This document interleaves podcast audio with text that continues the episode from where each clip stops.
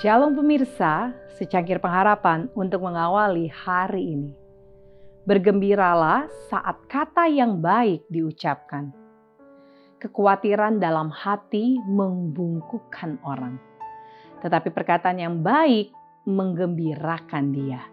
Amsal 12 ayat 25. Janganlah kita mengumpulkan semua gambaran yang tidak menyenangkan kejahatan dan kerusakan dan kekecewaan.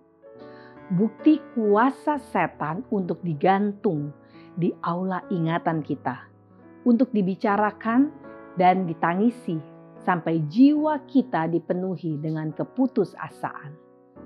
Terima kasih Tuhan, ada gambar-gambar yang lebih cerah dan lebih menggembirakan yang telah Tuhan berikan kepada kita Marilah kita mengelompokkan jaminan kasihnya sebagai harta yang berharga agar kita dapat memandangnya terus-menerus.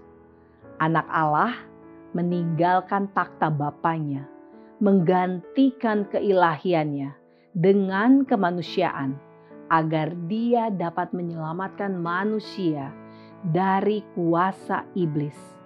Kemenangannya demi kita membuka surga bagi manusia, mengungkapkan kepada penglihatan manusia ruang kehadiran di mana Tuhan menyingkapkan kemuliaannya. Umat yang jatuh diangkat dari lubang kehancuran di mana dosa telah menjerumuskan mereka dan dibawa kembali ke dalam hubungan dengan Allah yang tak terbatas dan setelah menanggung ujian ilahi melalui iman kepada penebus kita, mengenakan kebenaran Kristus dan ditinggikan ke taktanya. Inilah gambaran-gambaran yang Allah tawarkan kepada kita untuk menyenangkan bilik-bilik jiwa. Testimonies for the Church jilid 5 halaman 744 dan 745. Demikianlah renungan kita hari ini.